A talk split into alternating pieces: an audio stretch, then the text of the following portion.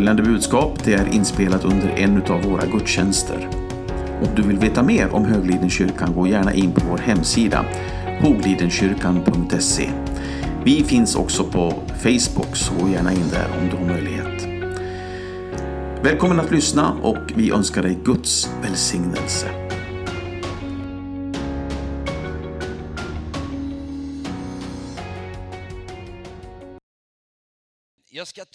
Här idag på förmiddagen om kraften i drömmar och visioner. Och det, det är ju någonting som eh, kommer fram väldigt tydligt också i Bibeln. Det talas om visionärt tänkande, ibland ledarskapsutbildning idag. Visionärt tänkande, visionärt ledarskap. Men faktum är att även när vi studerar Bibeln så ser vi väldigt tydligt kraften i drömmar och visioner. Det var en eh, framgångsrik pastor från eh, Sydkorea som besökte Sverige vid flera tillfällen för en del år sedan, Jong Gi-Cho. Jag tror de flesta av er hört talas om honom. Han eh, brukade säga så här att dreams and visions, det är Guds språk. Gud talar genom drömmar och visioner. Och eh, Vi ska läsa ett bibelord tillsammans och till att börja med anknyta lite grann till Israel men sedan också i ett vidare perspektiv. Men vi ska läsa en vers ifrån Habakuk, en liten profetbok i Gamla testamentet. Man tror att den skrevs strax innan den babyloniska fångenskapen. Och ehm, så här skriver Habakuk i det andra kapitlet och i den tredje versen. Ty ännu måste synen vänta på sin tid. Men den skyndar mot sin fullbordan och ljuger inte. Om den dröjer, vänta på den. Ty den kommer helt visst och den ska inte utebli. I den engelska bibeln så står det The vision is for an appointed time. Amen. Fader, välsigna ditt eget ord och välsigna mig då jag ska försöka lägga ut detta skriftens ord så som jag känner att du har lagt det på mitt hjärta. Tala till oss idag i Jesu namn. Amen. Amen. Ty ännu måste synen vänta på sin tid. Men den skyndar mot sin fullbordan. Om den dröjer, vänta på den. För den ska inte utebli. Vissa drömmar och visioner kan gå snabbt i uppfyllelse. Andra visioner tillhör framtiden och dröjer därför. Drömmar och visioner är en del av livet. Faktum är att Albert Einstein han använde ordet fantasi när han talade om visionärt tänkande. Man brukar ju säga att Albert Einstein kanske är den mannen som har haft den mest kreativa hjärna som någon människa har haft så, så om man googlar på honom så är det så man eh, uttrycker det. Vi brukar ju ibland tänka att fantasi det är det overkliga. Fantasi det är science fiction. Men eh, det är inte riktigt så ordet fantasi förklaras i en ordbok. Fantasi är en inbildningskraft och en förmåga att skapa inre bilder. Och Einstein han uttryckte det så här, fantasi är allting. Det är en försmak av livet som kommer. Fantasi är viktigare än kunskap. Fantasi kan vara både bra och dåligt. Det kan finnas oren fantasi. Det kan finnas overklig fantasi. Men det kan också vara så att fantasin ger dig en förmåga till att skapa inre bilder. Och Einstein gick så långt att denna förmåga är till och med viktigare än kunskap. I det sammanhanget är fantasi väldigt besläktat med visioner och drömmar. Unga människor bär på visioner och drömmar. Någon drömmer om att bli läkare. Andra drömmer om att bli piloter. Andra drömmer om att starta ett företag. Bilda familj, få barn, ett eget hem. Mycket sånt här som tillhör livet. Fotbollsspelaren drömmer om att göra mål och lyfta laget till kanske högre divisioner. Det är naturligt. Drömmar och visioner är en del av livet och det är en förmåga Gud har lagt i våra hjärtan och det är en krydda till livet. När vi slutar drömma och när vi slutar med visioner, då bara existerar vi. Då har livet redan slutat. Var rädd om livsdrömmen. Jag tror att på något sätt så kan Gud lägga ner en livsdröm i en människas liv. Bär du på en livsdröm? Var rädd om den. Jag minns när jag var 14-15 år gammal och hade precis blivit döpt i den helige ande. Min livsdröm var att få bli evangelist. Att få predika evangelium, att, att få se sjuka helbrägda och se människor komma till Jesus. När vi hade ett besök i vår församling nere i Nybro och en Herrens tjänare kom med ett profetiskt budskap till mig. Jag tror jag var 15 år gammal. Du ska resa i många länder. Du ska korsa gränser. Och du ska få se Gud göra mirakel. Då förstärkte han bilden, visionen, drömmen. Och när pappa sa något år senare att Göran, jag vill att du tar över en av mina affärer, för pappa hade några affärer i Nybro. Han, han tyckte jag kunde vara, en, kunde vara en företagare. Så sa jag, nej pappa, du kan inte satsa på mig. Jag ska bli evangelist. Jag ska få predika evangelium. Det var en livsdröm som jag hade. Har Gud lagt en dröm i ditt liv? Var rädd om den drömmen. Det står så här eh, att se till att ingen tar din krona.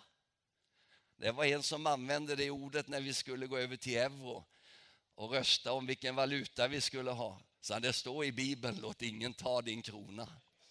Det var inte riktigt det som det bibelordet avsåg. Men var rädd om livsdrömmen, visionen som Gud har lagt i ditt liv. Det här används väldigt mycket i Bibeln. Vad ser du för någonting? What you see is what you get. Vad ser du för någonting? Många profeter fick den frågan. Sakaja svarade när templet var ödelagt och judarna fortfarande var i Babylonien. Så frågar Gud honom, vad ser du? Jag ser en ljusstake, allt igenom av guld. Och han förstod, templet skulle byggas upp igen. Vad ser du, säger Gud till Jeremia. Jag ser ett mandelträd. Ja, du har sett rätt. Gud ska vaka över sitt ord och låta det gå i fullbordan. Och Jesus säger, när de är på en genomresa genom Samarien, jag säger det är inte fyra månader kvar till skördetiden, lyft upp blicken, se på fälten. De har vitnat till skörd. På något sätt så målar Jesus bilden utav mognande skördefält i ett område där de inte förväntade sig några resultat. Vad ser du? Vi har talat om Israel här igår och haft det så som ett tema. Och de personer i modern tid som har varit nyckelpersoner i skapandet utav årtusendets mirakel. För du ska komma ihåg en sak. Idag har vi staten Israel på världskartan och den är på nyheterna hela tiden. Men Israel var en klocka som hade stannat. Israel var en nation som var död. Den existerade inte, den fanns inte. Men en sak som ofta följer med visioner och drömmar, det är att det är i kriser som visioner föds. Jag vet inte om vi har någon ifrån Japan här. Jag ser att vi har människor med rötter i asiatiskt ursprung. Men, men om det skulle finnas någon från Japan, nu får ni rätta mig om jag har fel, men, men jag har hört att kris på japanska kan betyda nya möjligheter. Och det är faktiskt också vad kris är.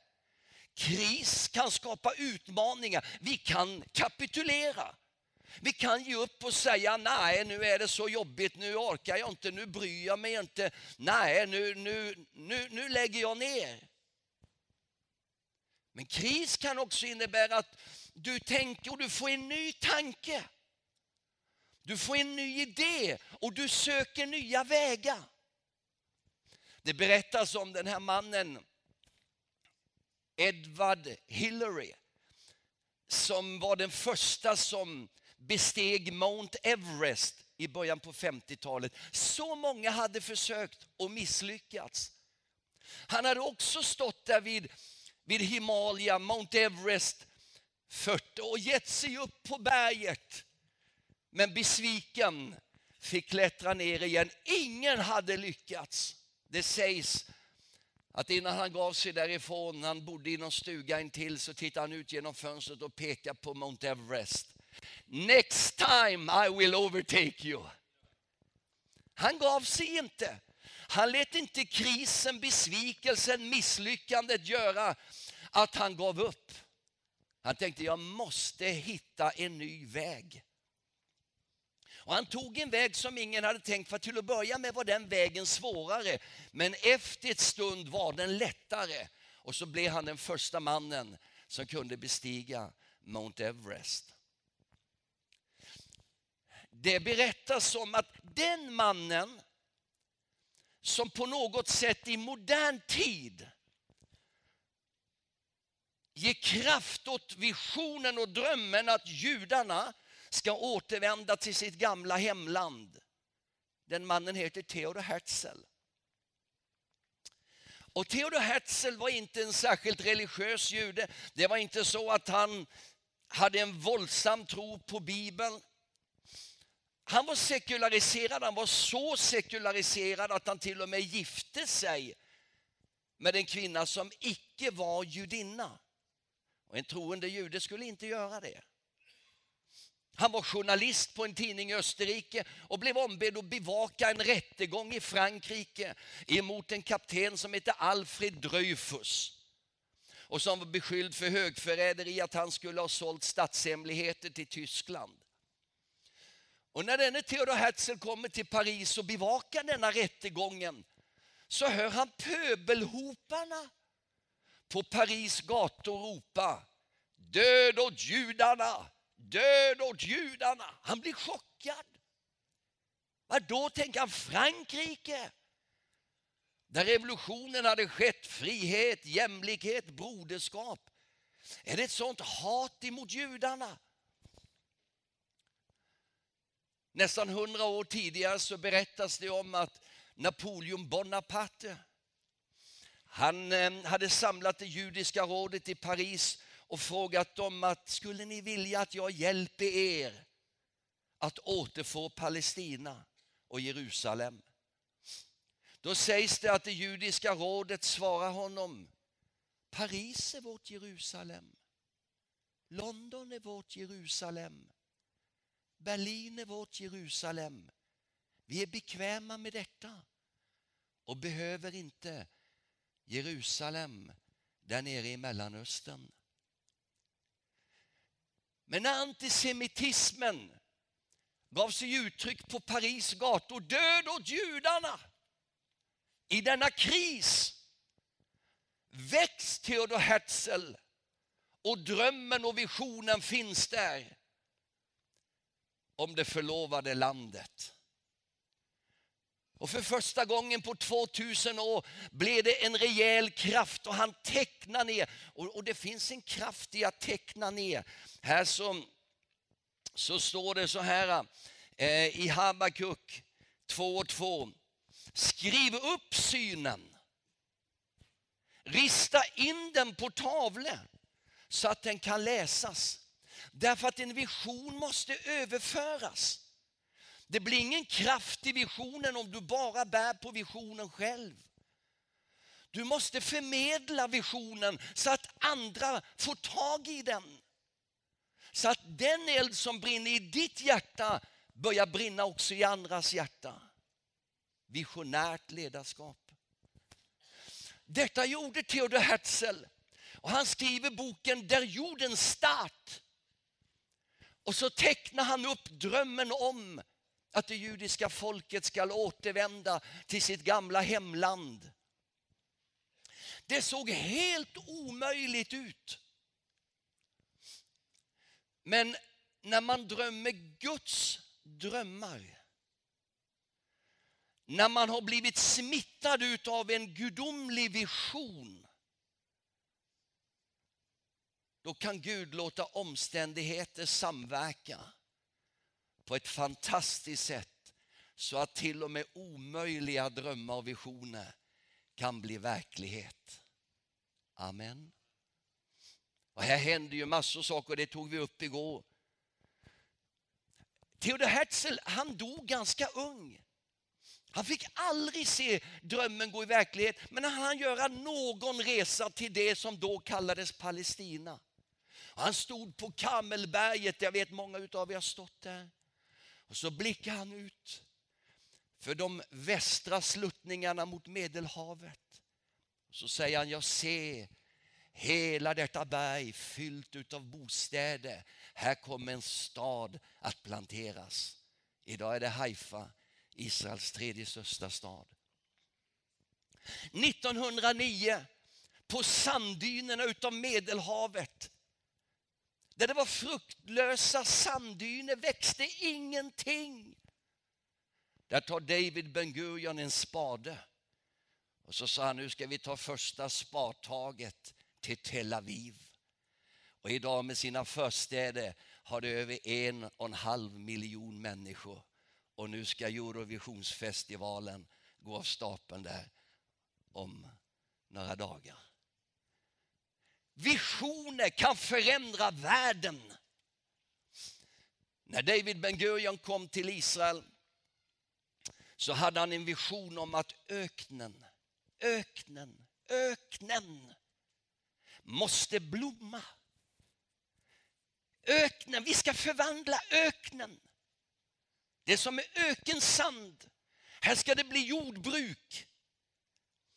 Här ska det växa fruktträd, daddelpalme, apelsinträd, veteplantage, öknen.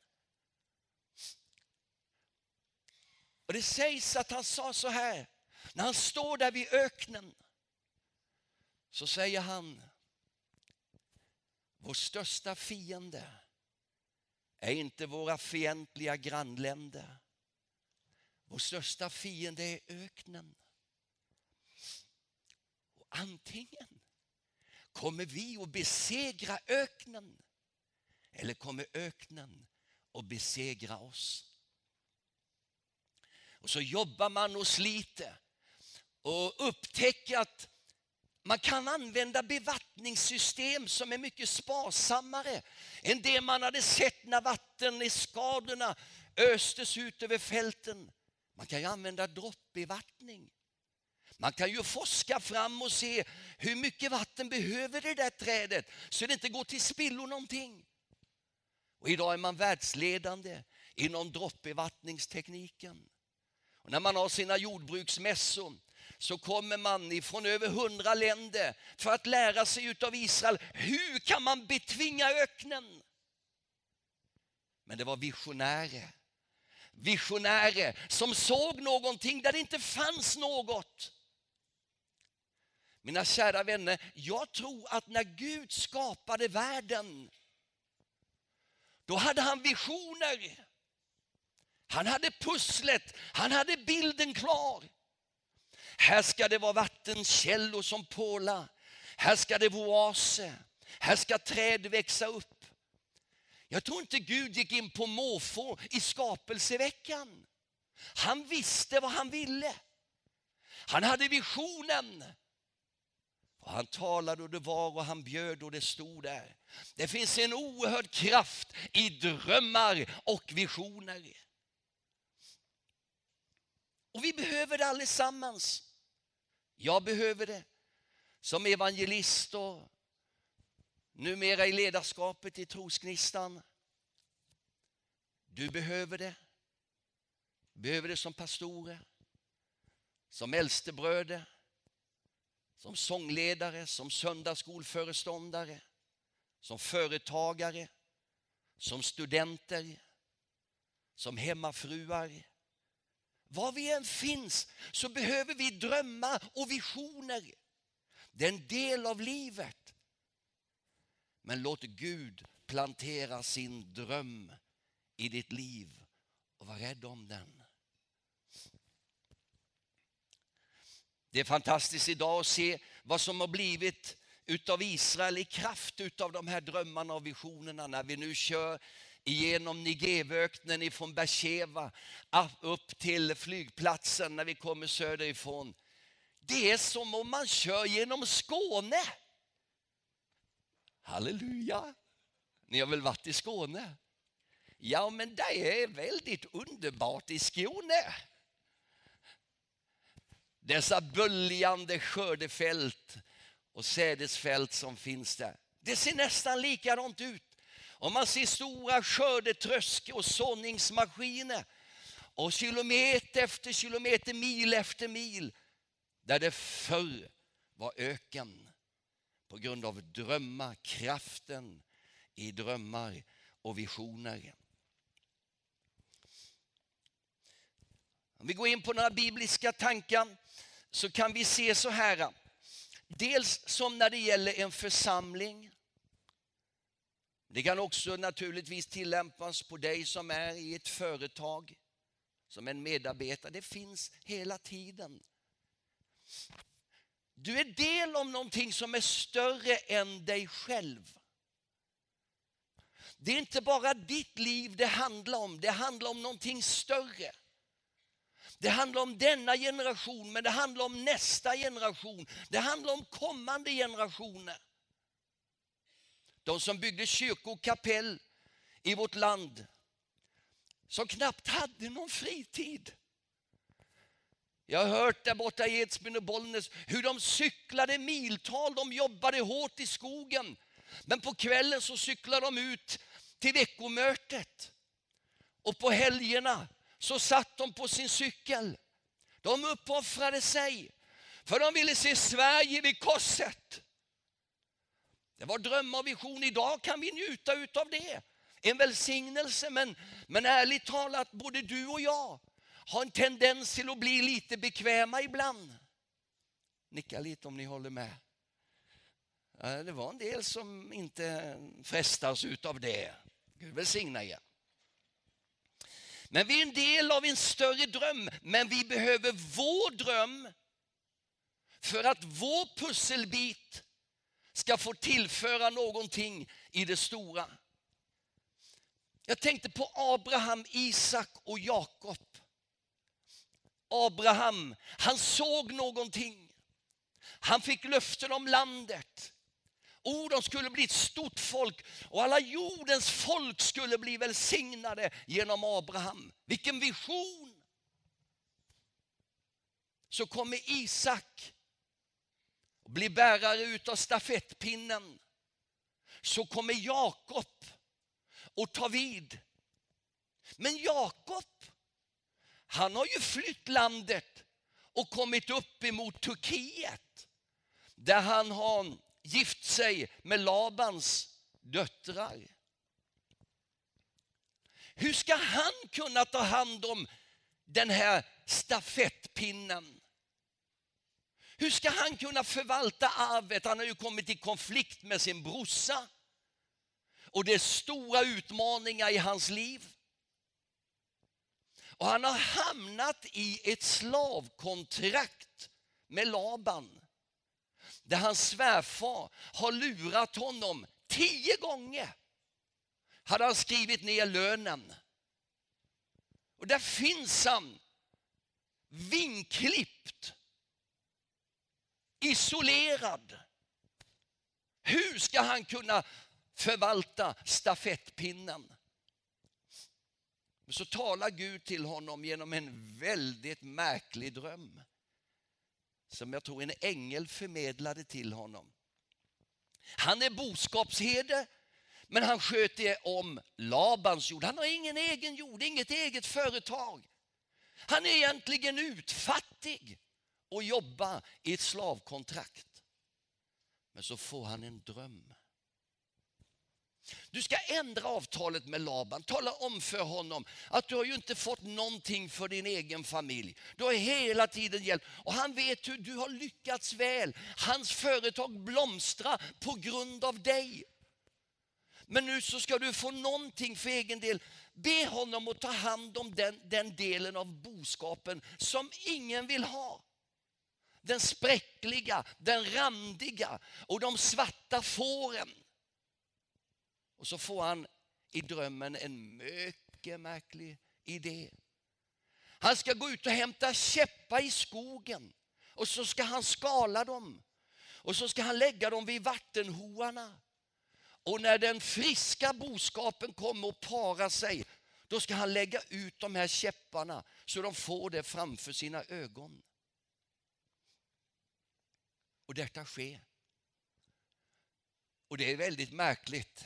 Jag tror att ni som är, har boskap och kor och djur, ni skulle nog inte se att det fungerar riktigt likadant alltid.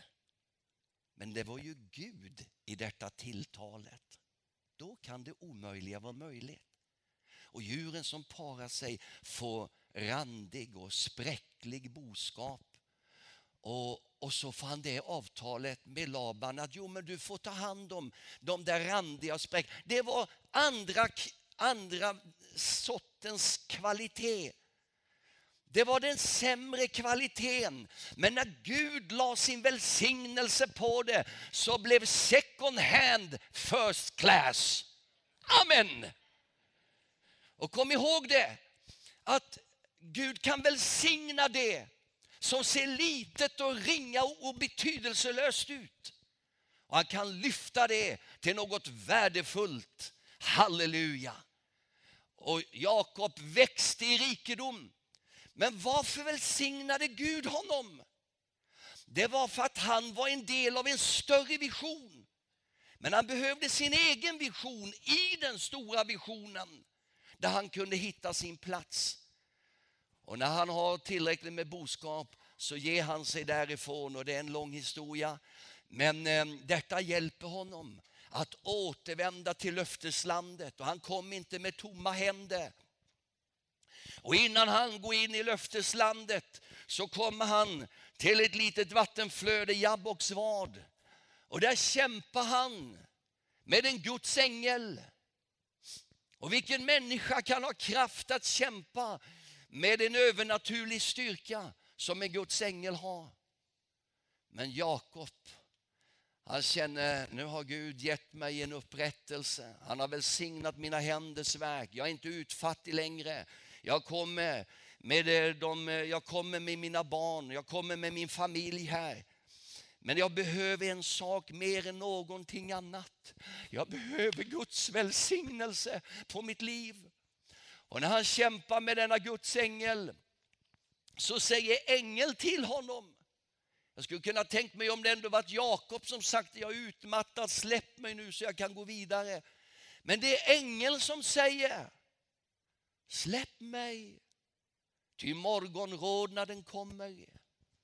Då så säger Jakob, jag släpper dig inte med mindre än att du välsignar mig.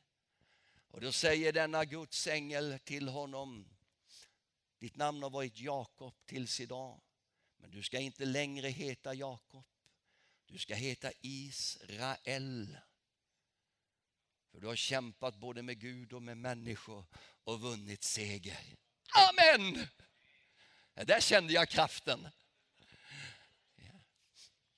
Du vet, jag säger bara som en parentes just nu, men namnet Israel är det något speciellt med.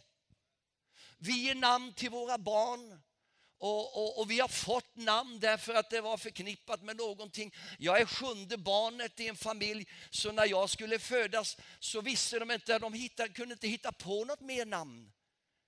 Vad ska han heta? Blir det en flicka, då ska han heta Cecilia. Tänk om det blir en flicka och så blir det en pojke. Vad ska han ha för namn? Och då hade stora syster blivit förälskad i en pojk som heter Göran. Så då sa hon till mamma, låt han få namnet Göran. Ja, och så fick jag det. Det var inget profetiskt eller sådär. Och Göran betyder åkerman. Alla namn betyder någonting. Ta reda på vad ditt namn betyder, lite spännande. Hilding Fagerberg var med mig till Indien en gång, flera av er känner Hilding Fagerberg. Och när han kom till Indien så sa han alla namn betyder någonting. Nu är ni nyfikna på att höra vad mitt namn betyder, sa Fagerberg. Mitt namn betyder Mr Beautiful Mountain. Ja, alla namn betyder, men tänk att fått namnet Israel. Det är fött av Gud. Och tänk att det finns en nation idag i världen som heter Israel. Och det är från Jakob och det är från hans söner. Amen! Halleluja! Drömmen och visionen tog honom från fattigdom till rikedom, tog honom ifrån ett slavkontrakt till frihet. Mina kära vänner, om Gud är för dig, vem kan då vara emot dig? Dröm Guds drömmar, tänk Guds tankar och lev i visionen. Och den kan lyfta dig till någonting spännande som Gud har för dig. Amen. Det finns i Bibeln många exempel om detta. Människor som har påverkat världen på ett fantastiskt sätt med kraften i drömmar och visioner. Även i Nya Testamentet så ser vi vad ofta det återkommer med drömmar och visioner. Och det styrde och ledde de första missionärerna. Det är Guds språk. Be till Gud att han talar till dig genom drömmar och visioner. Låt mig också säga att när Gud talar genom drömmar och visioner går det aldrig i konflikt med det skrivna ordet. Är det en dröm och en vision från Gud så ligger den i harmoni med Guds skrivna ord. Amen. Men ta Petrus. Du vet att det är väldigt lätt att vi blir programmerade till att tänka på ett visst sätt. Och detta kan begränsa oss väldigt. Sättet vi tänker på kan begränsa oss. Och Petrus, vet du, denne gudsman apostel. Men han var bara intresserad att predika för judar. Han skulle inte tackat ja till en inbjudan till Höglidenkyrkan. Även om du hade sagt till honom du får bo på ett bra hotell i stan. Tack så mycket. Nej, men han var bara intresserad av att predika för judar. Det var hans värld. Men så får han en dröm, en vision. Han ser en linneduk komma ner från himlen med djur som var orena för en jude till att äta.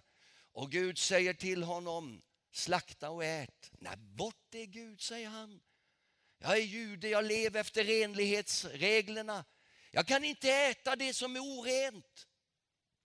Så kommer linneduken ner igen och Gud säger slakta och ät. Och han förstår att Gud talar till honom och det spränger till slut hans begränsade tankesätt.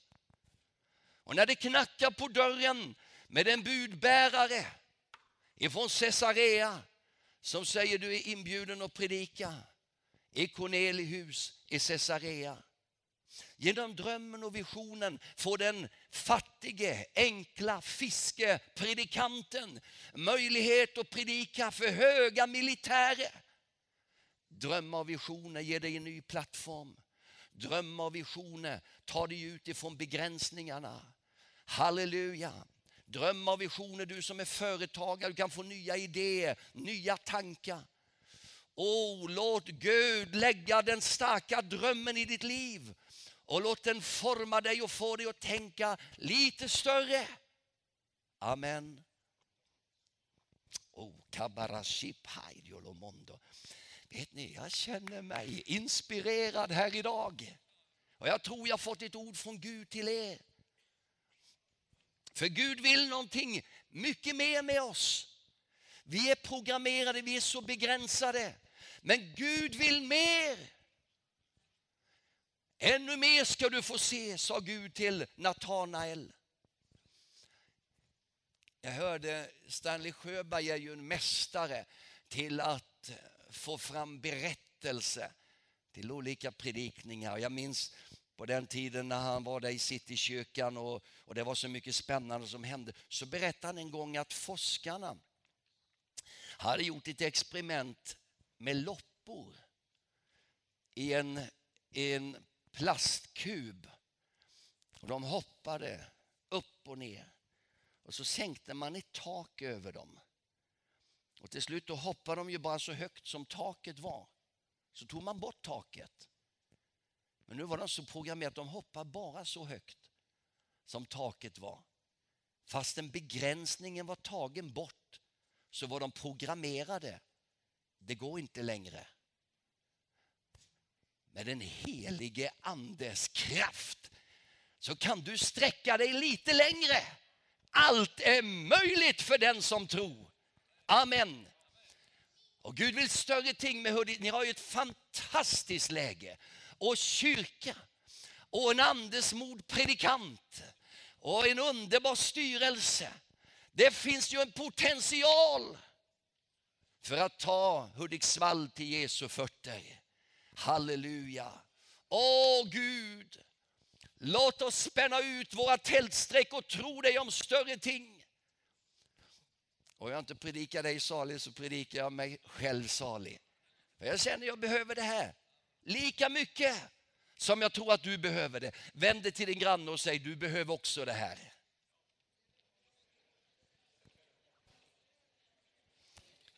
Amen. Amen.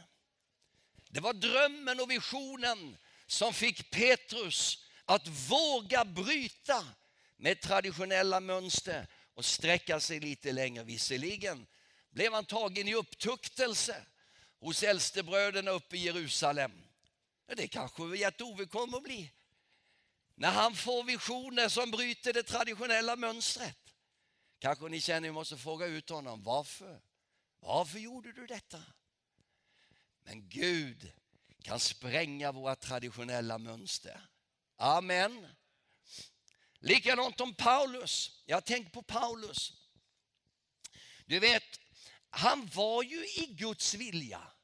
Han brann för missionen och han planerade missionsresor. Men dörren stängdes här. Ja, men då sa han, då sätter vi kurs åt det hållet. Vi ska predika evangelium borta i Betynien. Och så planerar han. Och teamet. Och så reser de. Och dörren stängs. Han var ju i, i, i sin livsdröm egentligen. Men dörrar stängdes. Men så en natt så får han en dröm då han ser några människor från Europa. Han hör den makedoniske mannen kom över till Makedonien och hjälp oss. Det var en vision, det var en dröm som fick honom att orientera sig emot Europa. Ja, vi behöver faktiskt få uppleva hur Gud talar till oss. Jag ska nu helt kort ge bara några punkter på slutet, sen ska jag säga amen. Vill ni gå hem nu? Eller kan vi fortsätta några minuter till? Jag ser på er att ni tycker det är ganska intressant faktiskt. Ja, det ser jag alltså. Jag har inte sett en enda gäspa hittills. Nej, tack. Men nu, nu ska ni få några punkter på slutet. För vi ska komma ihåg en sak. Vi har en avsvuren fiende, djävulen. Och vi ska vara medvetna om det, varje man, varje kvinna här idag ska vara medveten om att det finns en fiende som vill sabotera den dröm Gud har lagt i ditt liv. Och jag ska ge dig några punkter här som jag har skrivit ner under bön när jag studerat detta.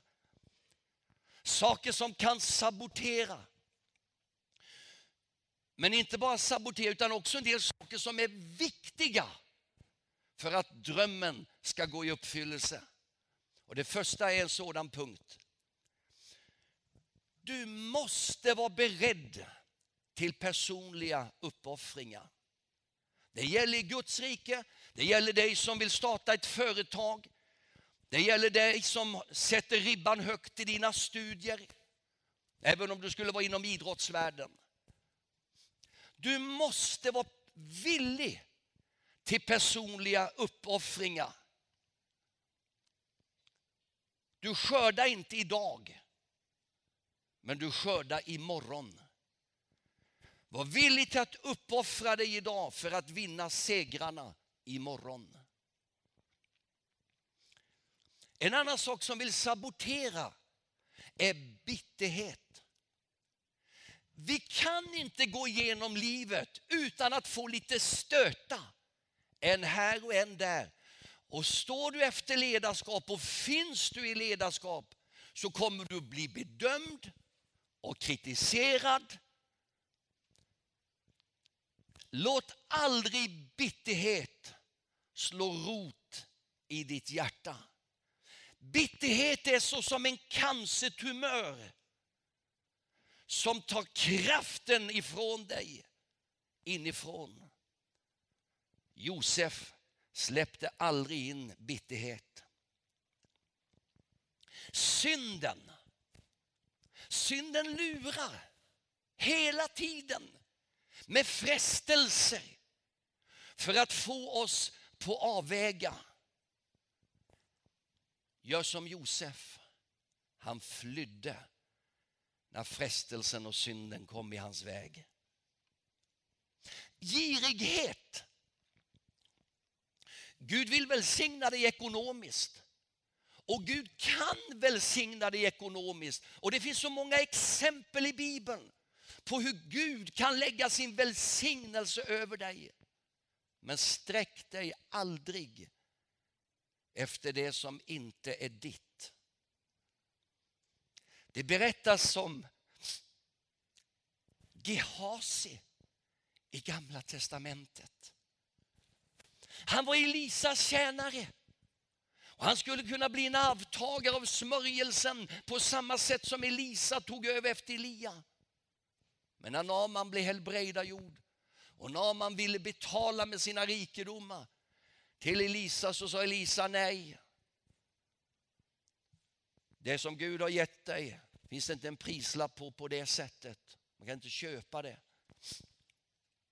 En godhjärtad människa ger ändå. Va? Men han sa nej, Elisa. Men då springer Gehazi efter den rike Naman och säger, hörde du Naman, eh, lite grann kan du ju få betala i alla fall. Eh, ja, det, det, är ju så att det är inte helt fel om du skulle vilja betala lite grann i alla fall. Och så ger han Gehazi en massa saker. Och Gehazi gömmer undan och tänker ingen vet om detta men det var hans girighet som lurar honom. Och när han kommer tillbaka till Elisa så säger han, vad har du för nytta av det där? när du blir vit av spetälska. Girighet. Stolthet är ju en annan sak. Du vet att när Gud brukar dig så blir du till välsignelse för andra människor. Och då är det så lätt, vet du, att de berömmer dig, lyfter upp dig, talar väl om dig. Och vårt egna jag frestas då till att brösta sig lite grann och tänker vad duktig jag är. Och så blir vi stora på oss och dryga. Men vi ska komma ihåg en sak. När Gud använder oss så är allt utav bara nåd. Nåd utöver nåd. Och det är inte på grund utav oss, men det är trots oss. På grund utav hans stora nåd. En annan sak som är jätteviktig för att du ska kunna leva ut drömmen, det är att du ska förstå Guds syfte. Tänk lite längre. Få ett andligt perspektiv på livet. Förstå Guds syfte. Josef förstod Guds syfte. Och när bröderna sa, nu vill du väl hämnas oss. Vi gjorde ju så mycket ont emot dig.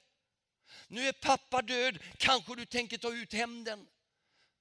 Men Josef förstod Guds syfte. Alltså jag vet att ni vill ont emot mig. Men Gud vände det till något gott för att rädda många människors liv.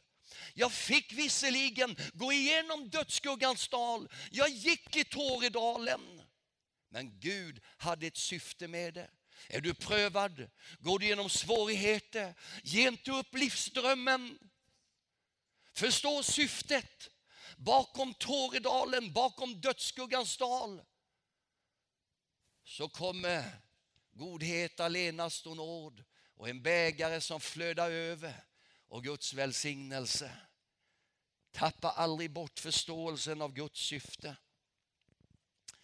Sen ibland också så är det på alla områden i livet så är det så här att ibland frestas vi till att tro att det bara ska falla över oss. Liksom framgång och, och, och välsignelse. Liksom bara falla över oss. Men det är viktigt att förstå också, hårt arbete lönar sig. När Jesus tittar på skördefälten så säger han, bed för den skull, skördens Herre, att han sänder arbetare. Du behöver vara en arbetare. Det behövs grovarbetare i våra församlingar som är villig till uppoffringar. Framgång kommer inte per automatik. Det är likadant om du är företagare. Det krävs ett hårt arbete. Och sen när Gud lägger sin välsignelse på, då är det som turboeffekten i en BMW. Ja, men jag har ingen BMW så att det är helt okej. Okay. En annan sak som jag vill säga till slut, det är detta i den versen som jag läste här. Guds tid. Ge inte upp drömmen även om det dröjer. Ännu måste synen vänta på sin tid. The appointed time.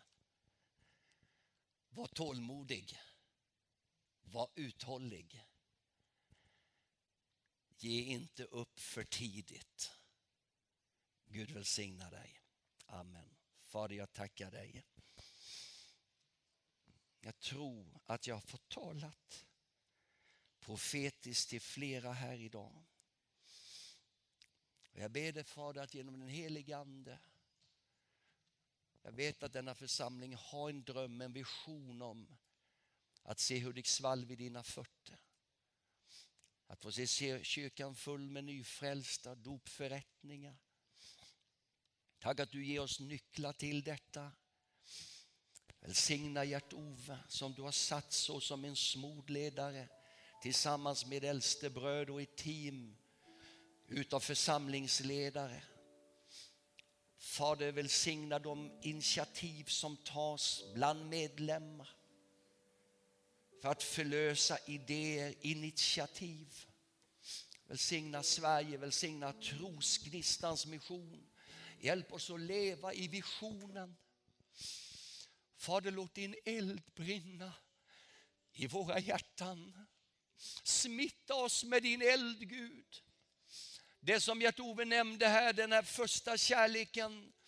Älskar du mig? Du säger det till oss, för det är bara om vi kan ifrån hjärtat svara ja som vi är villiga till personliga uppoffringar. Gud hjälp oss så vi fylls med din kärlek mer. Rör vid oss just nu, Kom med din kraft än en gång. Bota sjuka, döp i den helige Ande och låt din kallelse drabba några. Jag har en bestämd känsla utav att det finns några personer som bär en kallelse på sitt liv och du har ännu inte kommit in i det. Ska vi resa på oss allesammans? Jag har en känsla man kan komma in i kallelsen vid olika perioder även när man blir äldre. Kanske som pensionär, du känner det är någonting som Gud vill ha in dig i. Eller mitt i livet. Eller en ung människa. Men jag känner att det finns personer här som Gud har kallat. Jag vill lägga din hand över din bröstkorg just nu. Jag har inte ett profetiskt ord till dig, men hela predikan har varit profetisk till dig. Gud har adresserat budskapet till dig och det kommer att brinna i ditt inre även när de sista tonerna från lovsången har falnat ut här idag så kommer du inte ifrån detta för Gud har lagt en kallelse på ditt liv. Och Det kan vara någon här som Gud väcker över detta. Vad lever jag för? Vad är syftet med mitt liv? Himmelske Fader, nu ber jag för alla som har ställt sig upp här och lagt sina händer över sin bröstkorg. Tack för att du drabbar oss med din närvaro. Tack att du talar till oss. Tack att vi ska få se en skörd bärgas i vår omgivning, bland våra nära, bland våra kära, i vår stad, på vår arbetsplats. Jag ber dig Fader, det är någon här i detta möte som bär en kallelse in i en tjänstegåva. Pastor, evangelist, profet, bibellärare, apostel. Låt gränser sprängas O Fader, jag ber dig att denna försagdhetens ande i Jesu namn ska få ge vika. Fyll oss med din kraft och fyll oss med din helige Ande. Och låt oss drömma dina drömmar och tänka visionärt. Du ska förbereda dig, du som har en kallelse på ditt liv.